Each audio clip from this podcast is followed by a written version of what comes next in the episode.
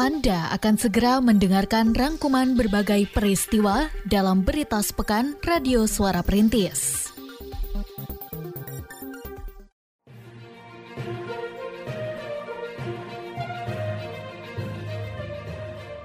Berita sepekan Radio Suara Perintis FM Kota Sukabumi.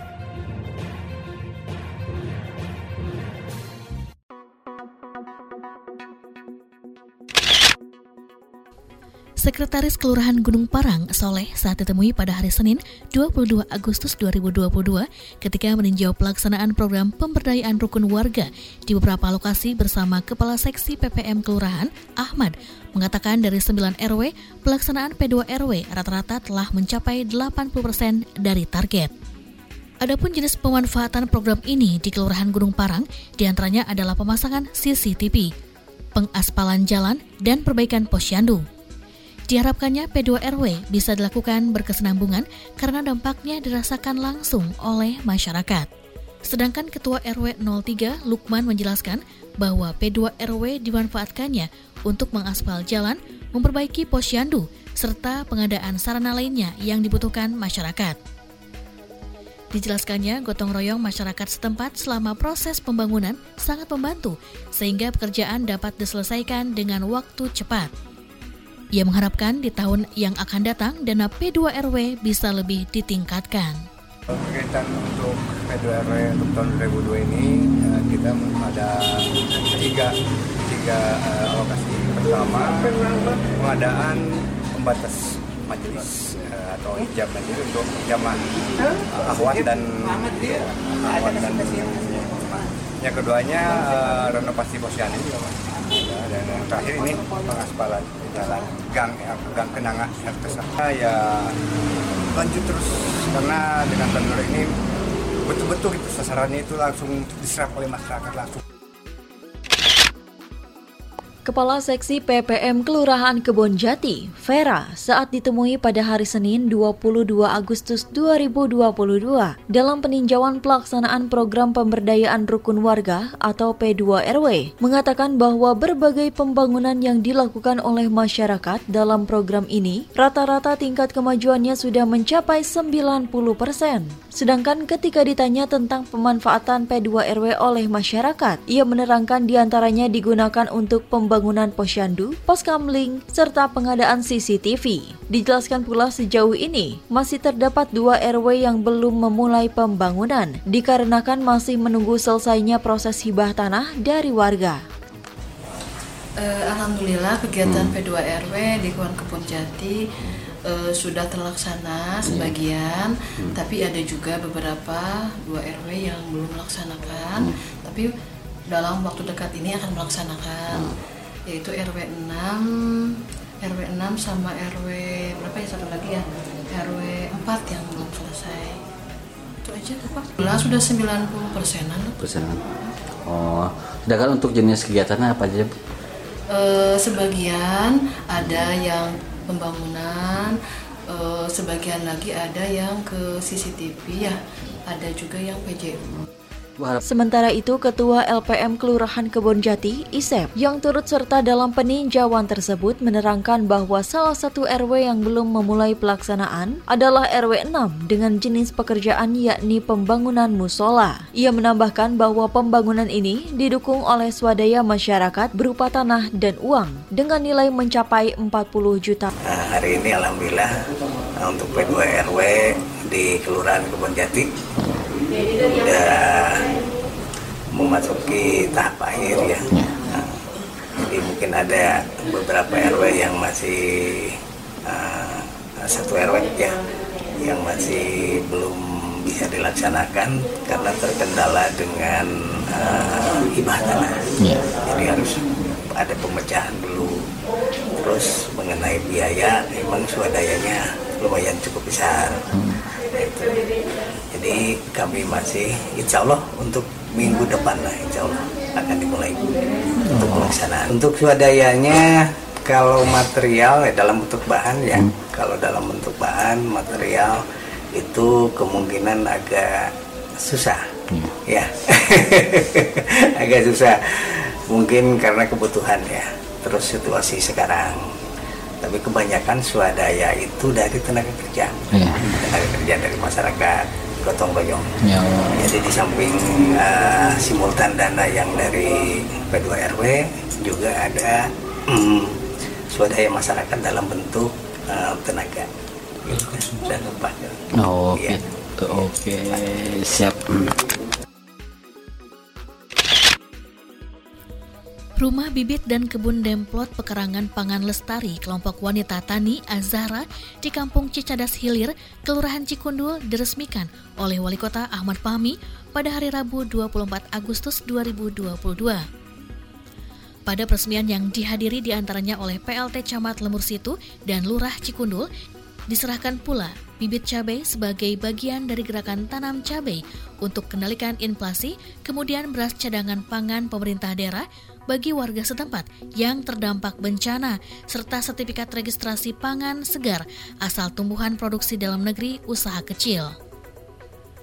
Ketua KWT Azahra Ade Irma pada kesempatan tersebut menerangkan bahwa rumah bibit seluas 20 meter persegi dan kebun demplot seluas 150 meter persegi dimanfaatkan untuk membudidayakan beberapa jenis tumbuhan seperti terung, cabai, dan tomat yang nantinya akan didistribusikan kepada 30 orang anggota KWT untuk ditanam di pekarangan masing-masing. Sedangkan Kepala Dinas Ketahanan Pangan, Pertanian dan Perikanan Kota Sukabumi Andri Setiawan menjelaskan bahwa untuk tahun ini terdapat 13 rumah bibit dan kebun demplot P2L serta 7 di antaranya telah diarahkan ke pengembangan perekonomian masyarakat.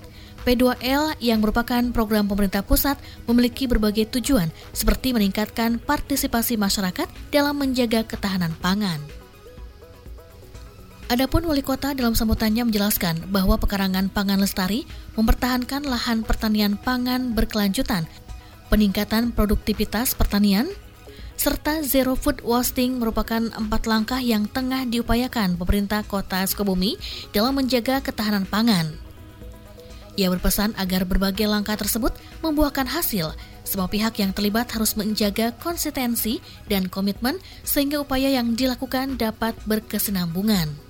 Jadi mari sama-sama hari ini kita berkomitmen melalui KWT Az-Zahra di sini. Kita jadikan gerakan ini P2L ini menjadi sebuah gerakan yang berkesinambungan, sebuah gerakan yang konsisten, sebuah gerakan yang bisa ditiru oleh wilayah-wilayah yang lain.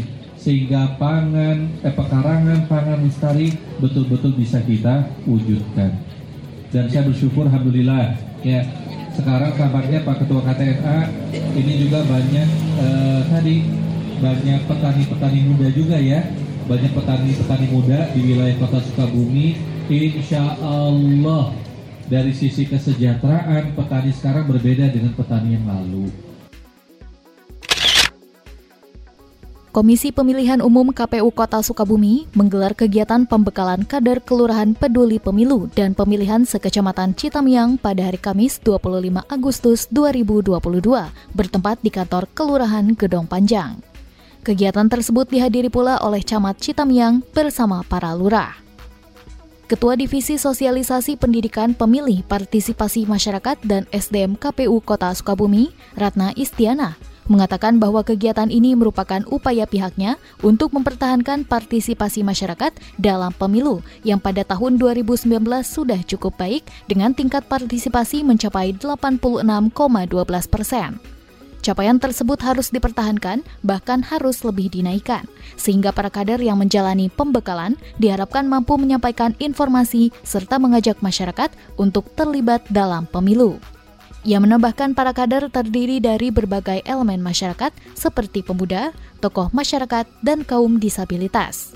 Pembekalan ini akan dilaksanakan pula di Kelurahan Cisarua, Subang Jaya, Jaya Raksa, dan Ciberem. Kegiatan hari ini merupakan kegiatan desa atau kelurahan peduli pemilu. Salah satunya adalah ikhtiar kami, usaha kami untuk meningkatkan partisipasi masyarakat dan tentunya tidak hanya partisipasi masyarakat, tetapi juga kami mengharapkan kesadaran dari masyarakat untuk pemilu dan pemilihan ini sehingga nantinya menjadikan masyarakat yang e, pemilih yang rasional, pemilih yang cerdas dalam pemilu dan pemilihan. Untuk di tahun 2019 partisipasi masyarakat di Kota Sukabumi mencapai 86,12 persen.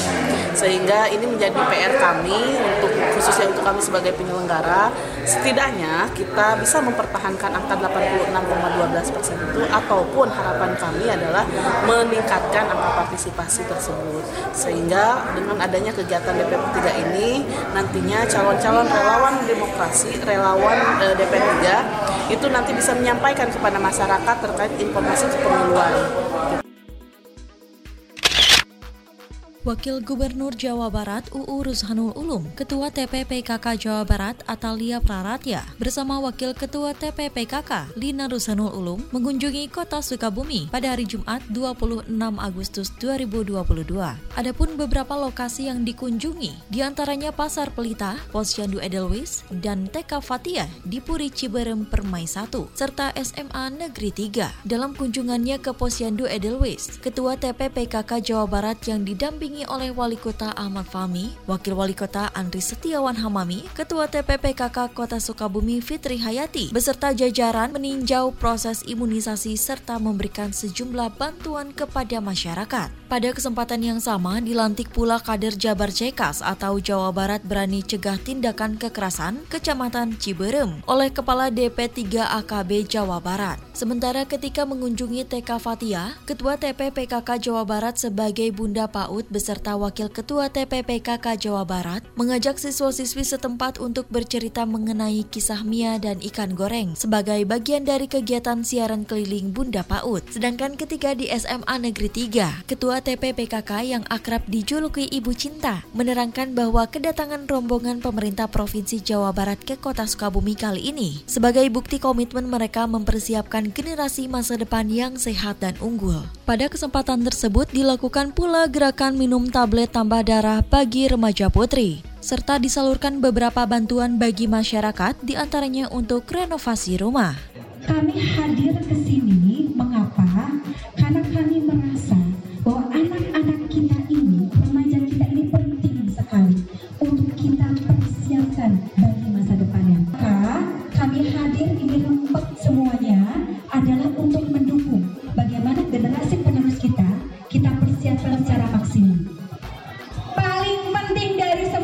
pengen ke UGM, pengen ke UI, pengen segala macam, yang paling penting adalah tujuan kita sukses dunia akhirat. Maka persiapkan kendaraannya. Yang pertama adalah harus sehat.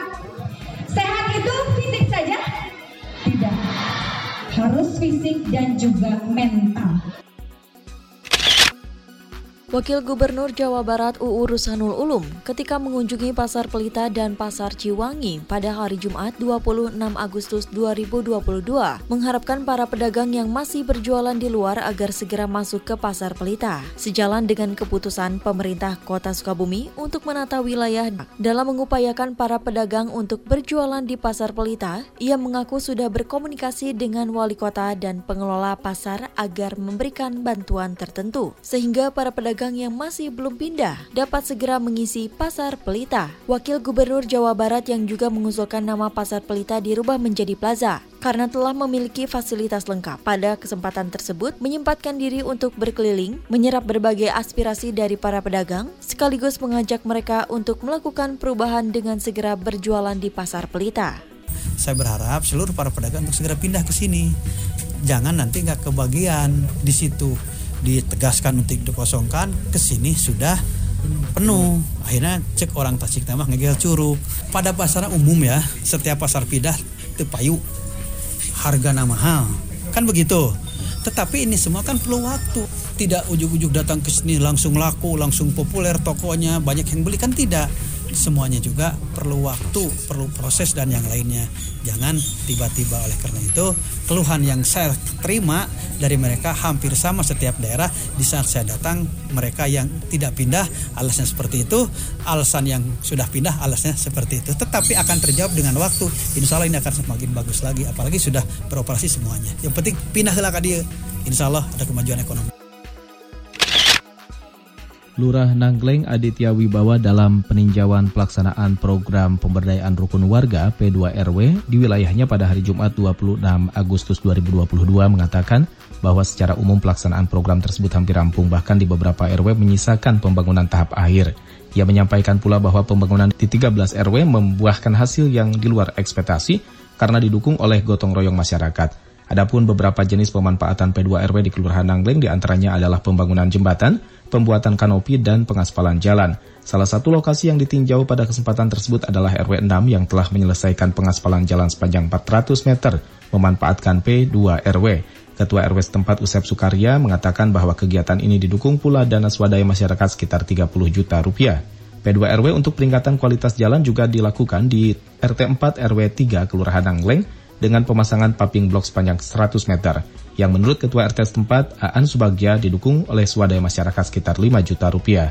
Sementara di RW 10, P2RW digunakan untuk membangun jembatan sesuai dengan kebutuhan masyarakat, Ketua RW setempat Haris Tiawan mengharapkan program ini dapat dipertahankan, bahkan besaran dananya dinaikkan oleh pemerintah kota Sukabumi karena manfaatnya dirasakan langsung oleh masyarakat.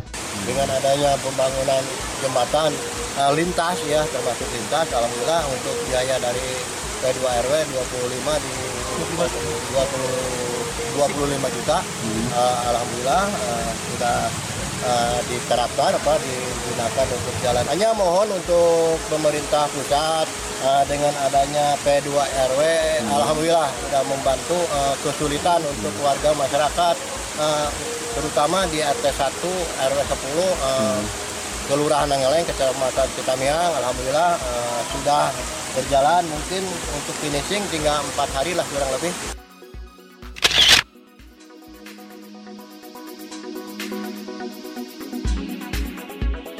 Demikian berita sepekan Radio Suara Perintis edisi kali ini. Dengarkan program berita kami, berita seputar kota, yang disiarkan dari Senin malam hingga Minggu pagi pukul 18.30 dan 06.30 waktu Indonesia Barat. Dengarkan pula setiap Senin hingga Jumat, berita siang pukul 13.00, berita sore pukul 16.00, dan berita malam pukul 21.30 waktu Indonesia Barat.